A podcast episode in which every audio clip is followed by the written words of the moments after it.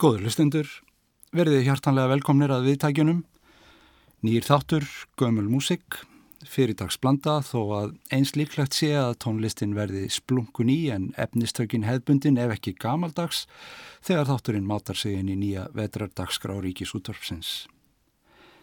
Við hóum þessa fyrstu útgáfi hátalarans á prelúdíu eins og vera ber, ingangi að allri þeirri margvíslu músik sem býður okkar á næstu vikum og mánuðum. Pablo Casals mundaði knjefðilu sína í sólónu eftir Jóhann Sebastian fyrir Sello nr. 1 í getur B2FF 1007. Þú ert að hlusta á hátalaran á rás 1 Ríkisútarfsins.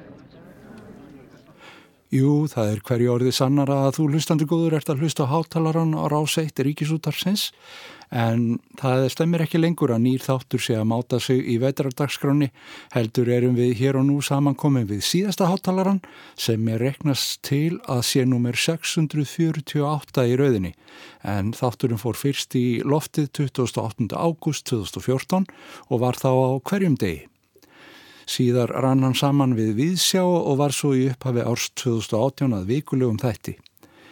En Nú kvílum við hátalaran og ég sjálfur fæ að deila með ykkur alls konar tónlist hér og þar sem glöfur myndast í dagskrá. En það er við hæfið að grýpa niður í nokkra liðna hátalara og rifja upp hvað var á segði. Það má minna á það líka að enþá er hægt að hlusta á alla þættina frá því í janúar 2018 á streymisveitum. En í þessum fyrsta þætti var til að mynda hugað að hátölurum eins og vera ber. Albert Fimboðsson, hvað þarf maður að hafa í huga þegar maður eignast góða hátalara? Stærð herbergis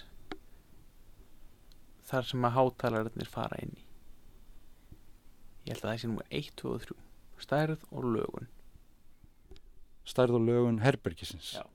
og ef maður er í svona hvað ég var að segja svona tiltölulega ferkantaðri stofu sem að er, hvað eru stofur 30 fermetrar Já Já Ef þetta er svona eitthvað fisk, fisk, fiskibúr þá er margt sem þarf að huga að sko. mm, passa þessi óreiða í stofunni að sófinn sé ekki alveg í miðunni og bókahillan ekki á í miðunni forðast miðjur er, þá, það út að endurkasti sem Já. að, já, þannig að brjóta upp brjóta upp symmetríuna. Þannig að það er eiginlega frekar herbergið heldur en kannski hátalarinn sem skiptir máli. Algjörlega, þú getur verið með geðveikan hátalara í ömulegu herbyggi og hann hljómar ömulega en þú getur verið með ömulegan hátalara í geðveiku herbyggi sem hljómar bara frekar fínt Albert Finnbóasson veit sínu viti um hljóðvist og hátalara en hann hefur lagt gjörfa hönd á alls konar tónlist undan farin ár og hlustundum er bent á að leita að nafni hans til að fá þar með gæða vottun á plötuna sem þeir eru að hugsa um að kaupa. Í byrjun árs 2018 hitti ég Víking Heður Ólafsson þegar hann var að undirbúa tökur á Bach-plötunni sinni og svo síðar sama ár þegar hún var komin út. Við spjöldluðum meðal annars um hvernig það er að vera með margar fyrirmyndir í listinni eins og þegar tónlist eftir Bach er á dagskrá. Sko, finnst, finnst þetta að vera farangur? Þetta að því þú nefnir alla þessa gauðra sem eru búinir að spila þetta en, en sko nærið það einhvern veginn að, að njóta þess samt að sko mér, mér heyrist það nú á þér að þú, þú nýtur þess líka að hafa allar þessar fyrirmyndir þó ef ég leiði mér að kalla það en, en sko er þetta, kemur þetta í tímabyrjun líka þetta virkar svona eins og farangur? Já, það er alltaf fyndi kvot, bara þungur farangur er kompanið dáina pianista. Ég veit það ekki, já, auðvitað að einhverju leiti, þú veist, maður er að spila sig alltaf inn í, inn í hefð, það eru allir að því, alveg sama hvað er halda fram, hvort sem þeir eru í klassík eða spila eigin verk í, í, í pop eða einhverju allt öðru, þú ert alltaf inn í hefðinu og þú flýrð hann ekkert. Ekki nema að þú verður bara blindur og heyrnalaus og sért svo að raula eitthvað, þú veist, þú, þú getur ekki afneita hefðinni.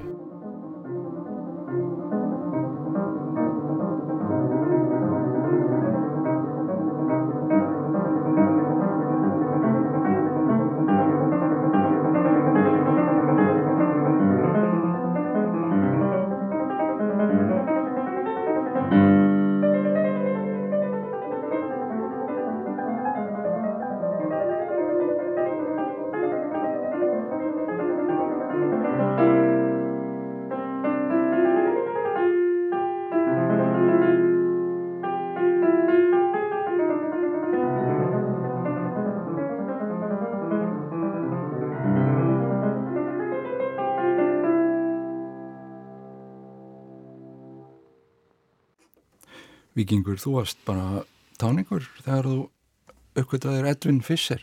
Þetta, já, þetta er svolítið geggjað, sko, þessi spilamennska, ég reynda þú ert, sko, komst, komst mér svolítið óvart núna, af því að ég, ég var ekki búin að velja nákvæmlega fyrst, ég glemdi að velja hérna hvaða fyrst er um að spila og ég hef ekki hlust á þetta í örgulega, sko, þess, þessa upptöku í svona 20 ár, en hún hafði rosalega áhrif á mig þegar ég hlusta á hana, þegar ég var svona 13-14 ára Já.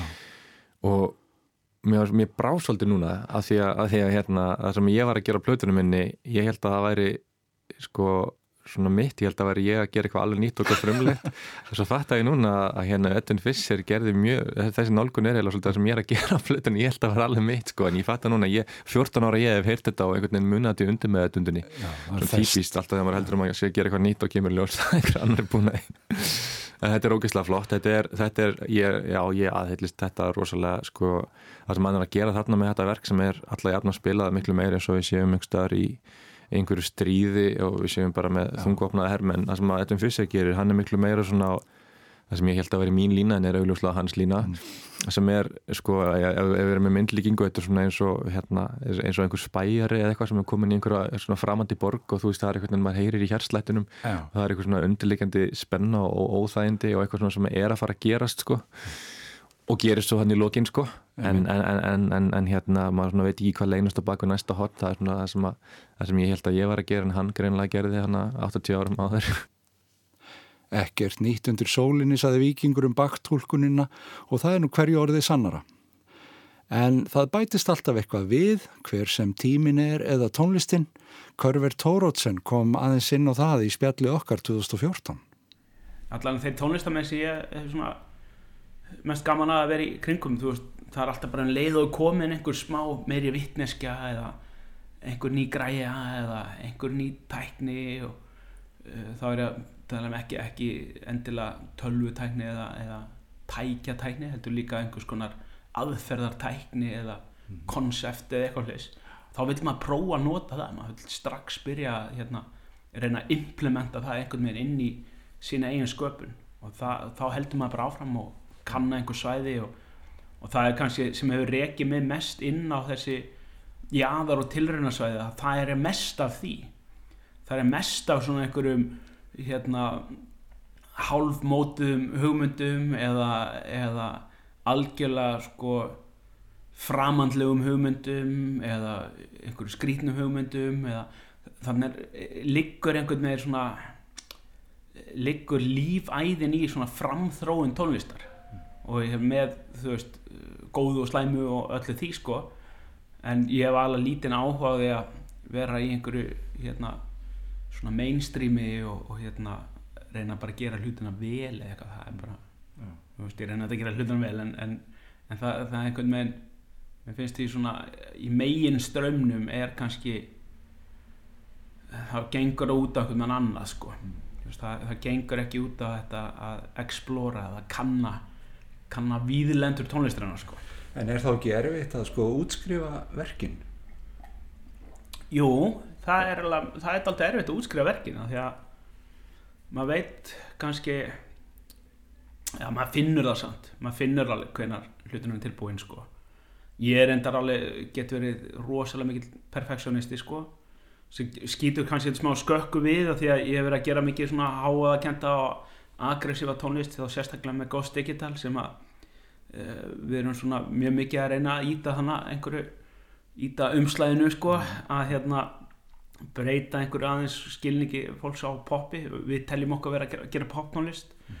þótt að þetta sé stundir rosalega hérna pyrrandi poptónlist fyrir suma þá og hérna og aggressív og rugglingsleg stundum þá er eigði ég alveg bara allt og miklum tíma í alveg bara þvílík smá að dreyði sko sem að Já. skipta á endanum alveg rosalega máli og þetta er eh, þvílík svona aðferðartækni í pródúseringu sem að ég get farið miklu miklu lengra með Ghost Digital heldur en ef ég er að taka um einhver aðra hljónsittir þá kannski leiður maður sér ekki að fara eins langt með einhver, einhver svona smáðara tvist en, mm. en, en það er, er ég líki þess að bara mjög oft við að, að mála sko þú veist að maður er einhvern veginn maður er bara að og þú veist öll smáætrið í hérna málverkinu skipta máli þótt þetta sé kannski klessumálverk mm.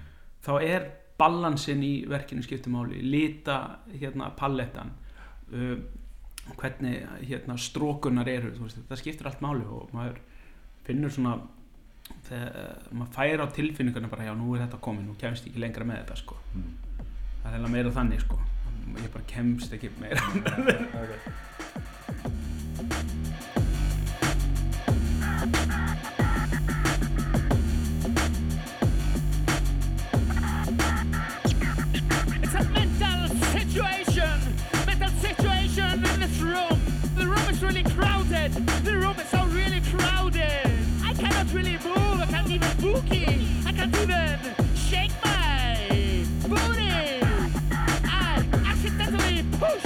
someone they push me back don't push me Me and Ghost Stitchy don't push it. Slow bliss, I do that.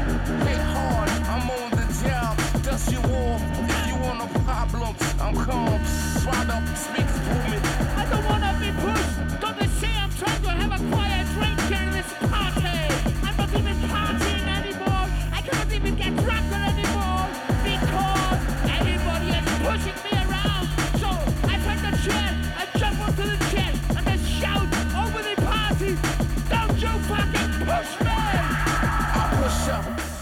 Don't Push Me með Ghost Digital var meðal þess sem fór á fónin í spjalli okkar Körvers fyrir nokkrum árum.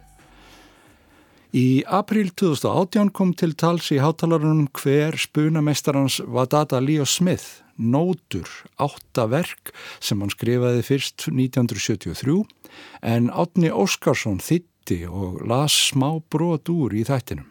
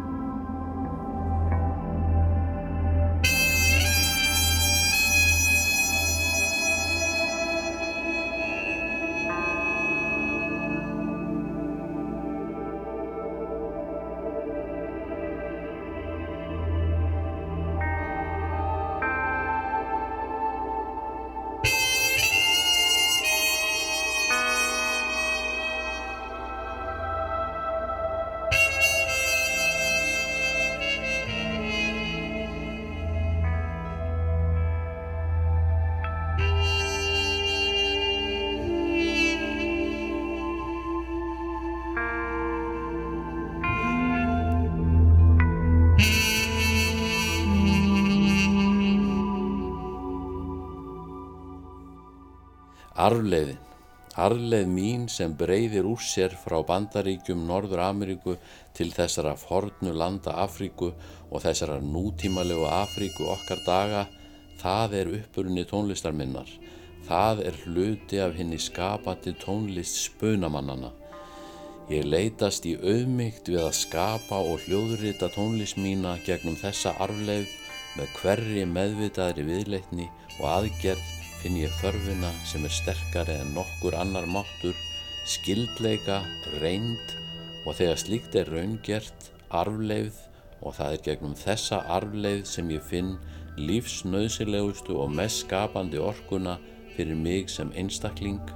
Það er hún sem færi lífi mínu fyllingu með allri sinni þjáningu og öllum sínum listisendum og öllu því sem gerir líf að lífi.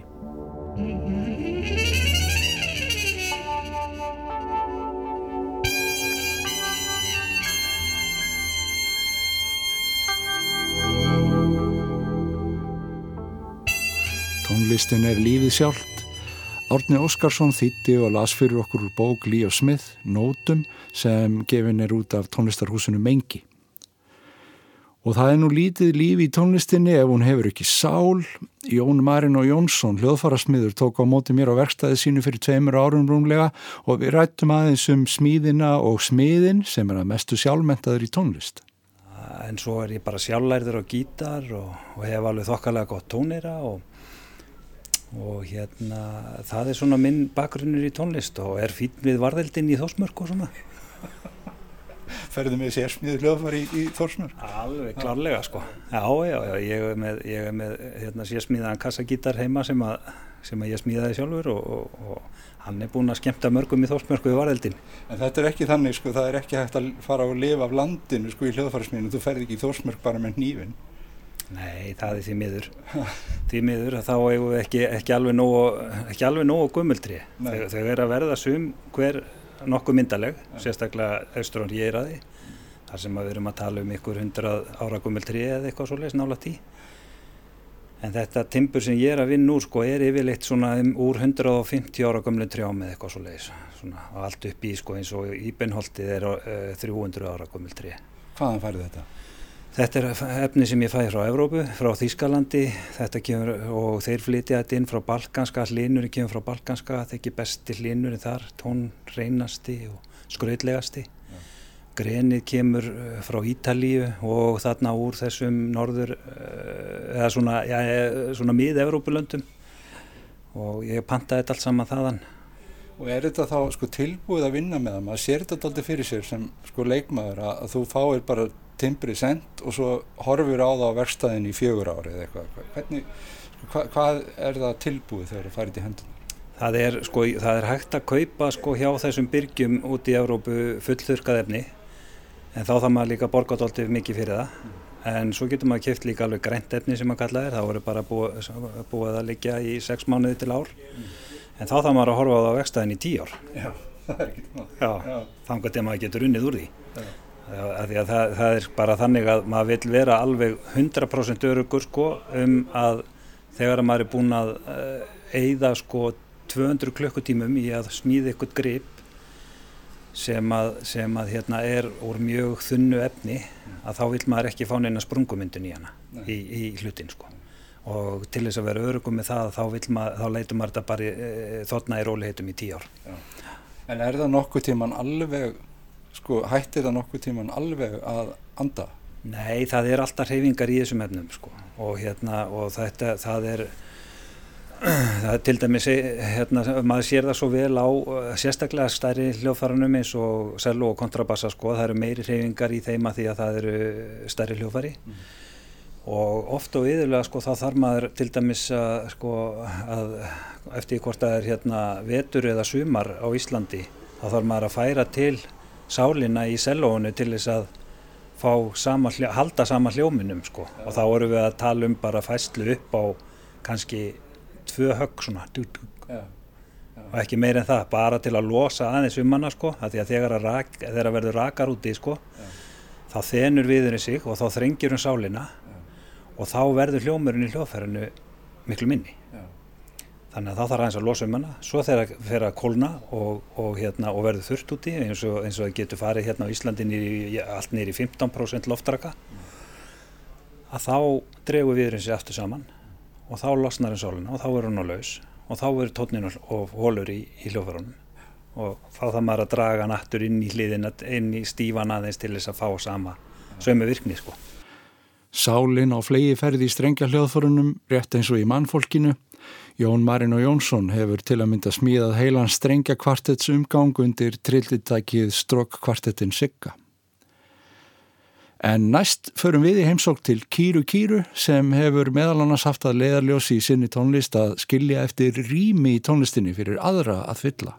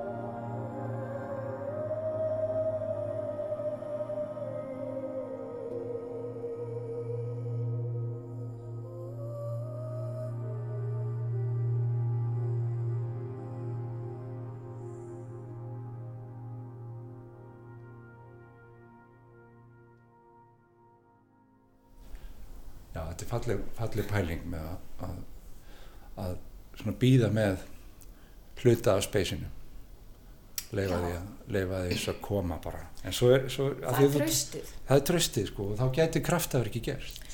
Já, um þetta snýst tröst, það er þetta bara að hérna að þurfa ekki stöðugt að, að fylla upp í allan tíma, allt pláss heldur hérna bjóða upp á möguleikan á óvæntri slagsíðu.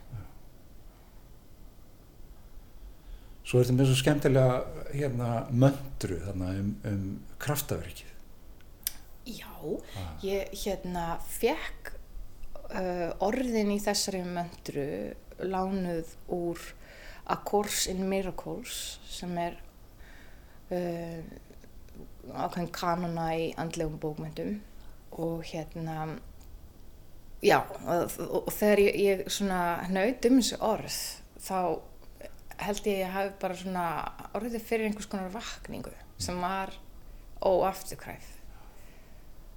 Og hérna ég, ég fann bara að, að það sem orðin voru að segja það gerðist ein- einhvern veginn um leið og ég las þau. Það var svolítið merkilegt. Þannig að hérna að kraftaverkið er sviss í viðhorfi úr óta í ást. Rosalega löng leið myndi maður halda sko. Þarna á milli. Já, þetta eru þetta pólar andstæður, ótti og ást. Og það sem er ótti, það er svo lítið pláss fyrir ást. Og hérna þess vegna uh, er svo hjálplegt að umbreyta honum. Og, og það er einhvern veginn fyrst mér í tónlistariðkun eitthvað sem að hérna margir kannast ábyggla við það er þetta að þú, þú hefur djúpa ást á því að semja tónlist, yfka og, og flytja tónlist. En það er ákveðin svona uh, óttaslegin hlæðsla oft í kringum margt af þessu. Og margir ágifullir, kvíðnir veist, al, a- alls konar ótti við álit annara ótti við að mistakast og, og, og alls konar. Og hérna og mm, mér finnst eins og hérna þetta að reikna frekar með því að e, allir séu saklusir og að lífi sé saklust og vilja er vel og allt kom til með að blessast.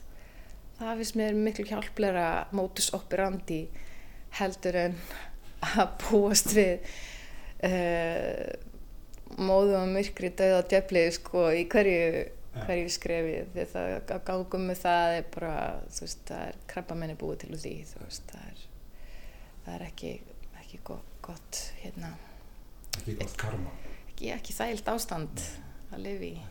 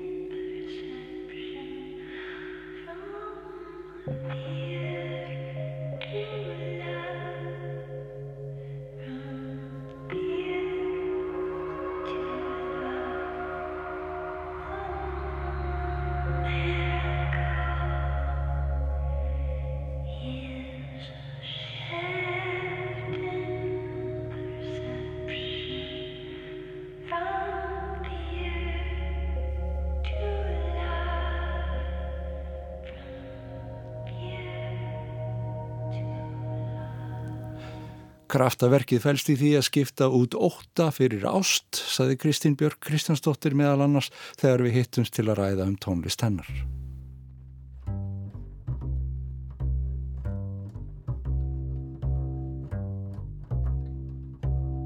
Launga nóttin, köld dim Þar sem stjörnur skinu forðum Finna örlög svo grimm Grátur nýstir en neytar mér orðum.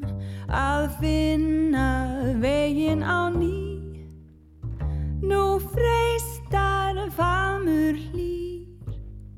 Hvar er friðland opnar dyr? Hvar er friðland opnar dyr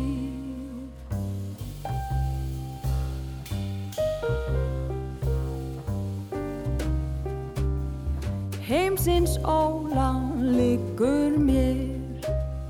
Þungt á hjarta þrái að skilja Sú kona sem kýrlát fyrr. Knýr að dyrum tárin mér ilja Að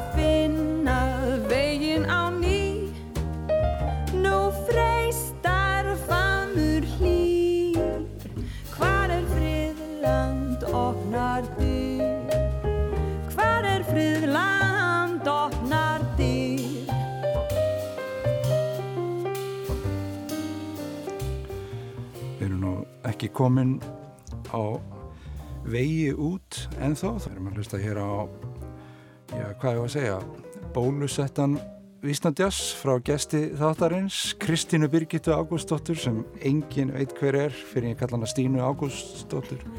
Ekki En- sinni mamma En þetta er nú skemmtileg útgáfa á, á þessu, er þetta ekki, er ekki sænst þjóðlega? Hvernig, Jú, já, vísan frá, frá, frá vísa utan frá meira. utan mýra Hún er, hefur líka eitthvað annað nafn til texti sem heitir eitthvað annað sem ég man ekki alveg En eh, ykkur þótti ástæði til þess að setja þetta í já, svona votta af íslenskum þúpnatakt og bæta við einu, einu já. Það er skemmtilegu vinkill líka. Já, Já. aðeins Það var gaman, við erum nú verið að spila þessa plötu Stína og þetta er fín blata, jazz á íslensku og, og gaman að fá loksins tækifæri til þess að spjalla um hana við þig aðeins því að það kemur nú ekkit rosalega mikið út af sungnum jazzi á, hér á landi á eins og maðurinn sagði. Nei, það er reyndar rosalega mikið af sungnum jazz á íslensku á jazzháttíðin í ár. Já, óvennulegt. Já, gaman, Já, spennandi. og, og ein, enn einn ástæðan fyrir fólk til þess að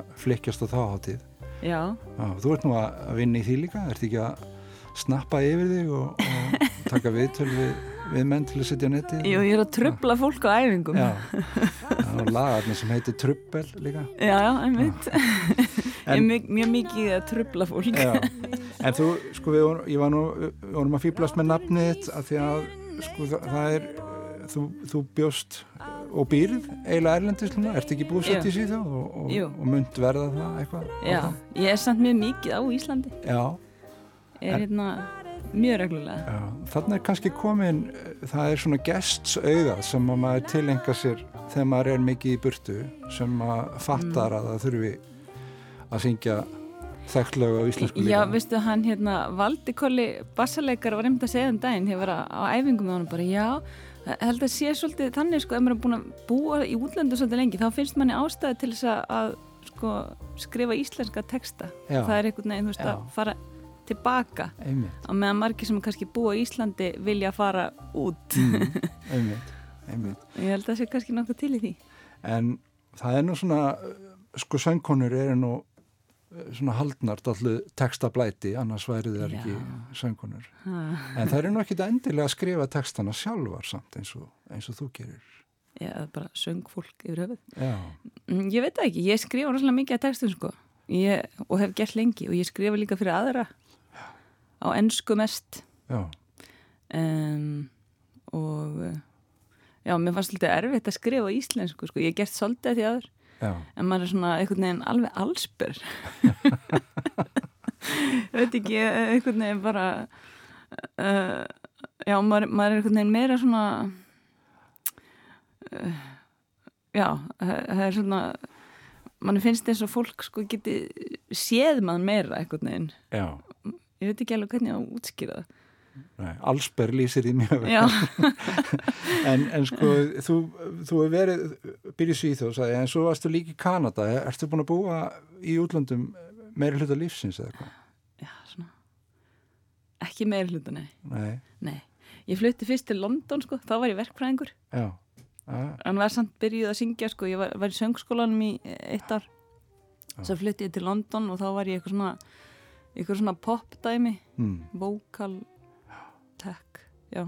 já. svo flutti ég til Kanada Já. og þar byrjaði ég bara í, þú veist, háskólanami Já, Í en, en þú, ert sko, þú ert alin upp hér þannig að þú, það, er ekkit, það er ekki tannig að þú hefur mist niður málið eða sko, það er ekkit svoleiðis þú byrjar ekki að tala með reymum leið og labbaður upp í flugulina Nei, nei, það er bara hallarslegt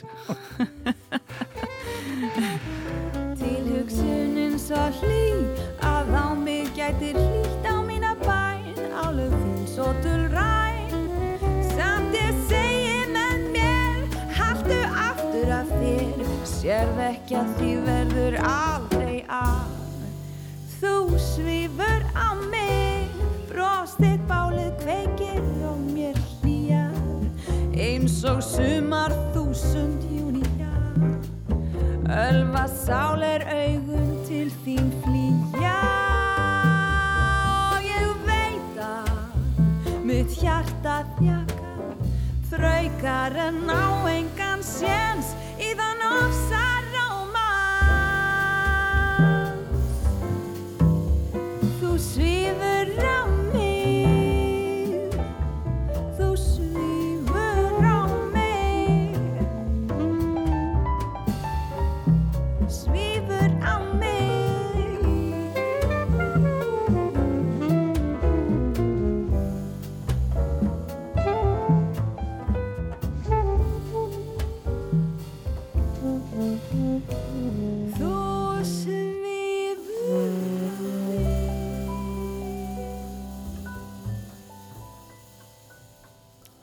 Stína Ágústóttir í léttu aðsvifi í hátalara þætti frá 2017 og þá sló maður stundum á þráðin líka þó ekki væri komið COVID. Ég datt um stutt símaspjall við Múkisson sem þá var að ljúka tónleikaferðum landið. Og það er líkast til margt tónlistafólk sem tæki því fegins hendi að akka af staði tónleikaferð þessa dagana. Þú er að, þú er að fyrirgefa hvað hvað sko tæknin er mér framandi ég náttúrulega var ekki sko í framhalsnámi í upptöku tækni Erlendis eins og sumir Heyrðu, það er bara, það er fyrirlegt hvað það gleymist líka fljótt, þannig að ég Er það? get ekki ráðlegt að fara í hennar skóla. Eða kannski er það heilin á mér, ég veit ekki. Það er kannski eitthvað, eitthvað blanda þarna á milli sko. Það er eitthvað Já. Ertu samt ekki reymbast að gera þetta sjálfur? Þú ert nú ít á rauðatakkan Jú, jú, jú, Já. ég elska þetta draslamar, Já, þetta er skemmtilegt fyrst og fremst. Herðu, ég hérna sá, sko, þá, þú ert eiginlega komin hringin, ég er svo setna að fatta, sko, að, að hérna, það eru bara tvennir tónleikar eftir, er það ekki, Á, rau- í rauðinni? Jú, í billi. Já. En, Og þú ert svo snjall og þú, þú settir þetta upp þannig að þú endar heima. Þú ert komin já, heim. já, Þetta er frábært. já, já, ná, hérna, ná smá slaka en samt vinnu, Jú, jú. Gæti í allt. Ha, og, og, og svo hérna, þú, þú eh, innréttaðir húsbíl og fóst með allt, hérna, alla fjörskildina eða hvað? Já, þetta var ga gammalt dreymur sko, hérna, frá eiginlega sko 2000 og, og svona 6, þá byrjaði með að dreyma um þetta. Kaupið mér svona sendibíl og breyta honum og geta ferðast og túra í luxus. Já. Já, er þetta alveg svona, þetta er alveg svona Beyoncé og Jay-Z, er þetta le leður og, og allir með sér tölvuskjá og Já, já, 3D ég verið svolítið að vinna með pleðrið. pleðri. Nei, nei, við, nei, nei, eins við sko, við, við giftum hann í hérna, hvað var það í mars? Náðum að breyta honum hérna frá miðjum mars og inn í apríl. Nei, nei, gerðum þetta í allt í apríl, já. Svona, hérna, bílasmiður Stefán og, og hérna, hjálpaði mér að gera þetta allt löglegt, Mm. allar svona festingar og svona. Já. Og svo var hægi vinnu minn smiður sem að- var með mér að smíða og þannig að svo, svo, ég náði svona að gera þetta nett fókælt fyrir túrin, sko. Þannig að þetta er, þetta er ennþá svolítið svona eins og komin í byggingu þar sem að fólk er flutt inn að það hefur ekkert annað. Já, ég skil, já. Og hérna, Rétt bara- búið að ríkbinda. Að ríkbinda og svona, þegiði, þeir eru sáttu þetta helítin ykkar. Maður bá engan pening. Já, þegar ég var á ykkar aldri, Já, já, já, og mínum möstu 3-4-3 að það var engin að kvarta. Svak átta sinnum á leiðinu svo. Þegiði. En hvernig hefur þetta gengið? Hefur komið aldrei að fólki? Allt og mikið af fólki. Já, það vill oft vera þannig. Já, já, já, búið að vera, þetta er ángríns, búið að vera hérna, bara miklu betra en ég þorði að vona og hérna, maður hljóðum bara eins og okkur fegradrottning ef maður á að lýsa þessu. Það er, hérna, ekkert tengt raunveruleikunum, Nei. það er allt í skíunum. Já. Ég, ég anda bara léttara því að þú talaður um að væri svo latur sko, ég var farin að halda að þetta væri bara búið sko. Já, Þannig að- einmitt. Þannig að þetta er, þetta er góða fréttir. Já, já, það er alltaf þetta bralli eitthvað maður. Ég veit ekki, ég er að þetta, ég finnst ég alltaf að vera oflatur, sko. Já. Já, það er náttúrulega ágætis kvati líka á sinna hátt. að Já, það. einmitt, það var hérna, og akkur í anskotunum nýtti ekki gerdaginn aðeins betur. Já, Ég er svona, ég, ég, sko, ég, ég, ég, sko, ég finnst sko, ég, ég, ég, ég er uh, mikið talað um núvitund Jú, jú. Og ég á svo erfitt með þetta, ég get ekki verið í núinu. Nei. Ég er alltaf bara í fortíðinni eða í framtíðinni. Já. Þá er með dreymum eitthvað, spila á ramaskræðinar. Eða sjá eftir Eða- einhverju. Eða sjá eftir einhverju. Núið er bara, ég, ég flúkt ekki með því, sko. Nei, er það ekki ofmetti líka? Ég held það, sko. Eins og núna, því að nú getum við bara hætt þessu, það er ekkit neinu við þetta bæta. Ha.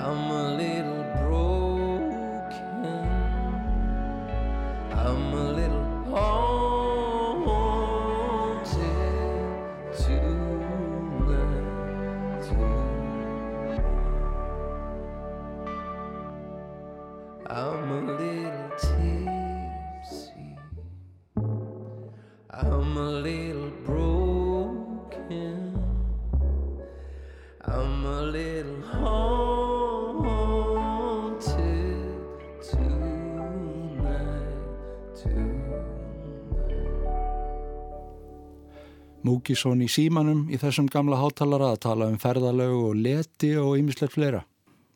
Og það hafa auðvitað í þeim 648 þáttum sem komnir er af hátalaranum dottið inn gestir sem spiluðu fyrir okkur í beitni útsendingu eins og þegar Óskar Guðjónsson og Ife Tolentino komi í heimsókn í september 2014 og spiluðu músik frá Bahia hér aðið Brasilíu.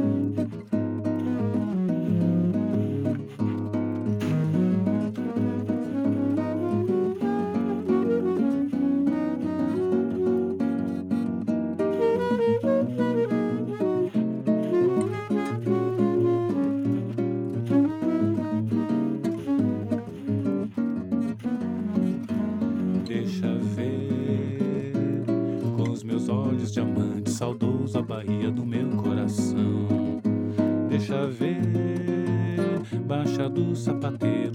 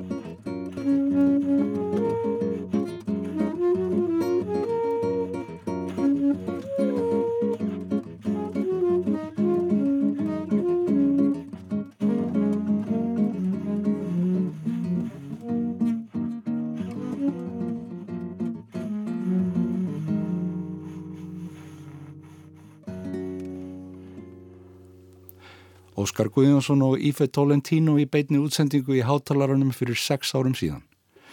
Og svanasöngur þáttarins eru nokkrir tónar Ornett Kólmann sem lokaði einmitt fyrsta þættinum með því að kallast á við Pablo Casals og spila preludíu úr fyrstu sel og svítu baks. Takk fyrir að hlusta.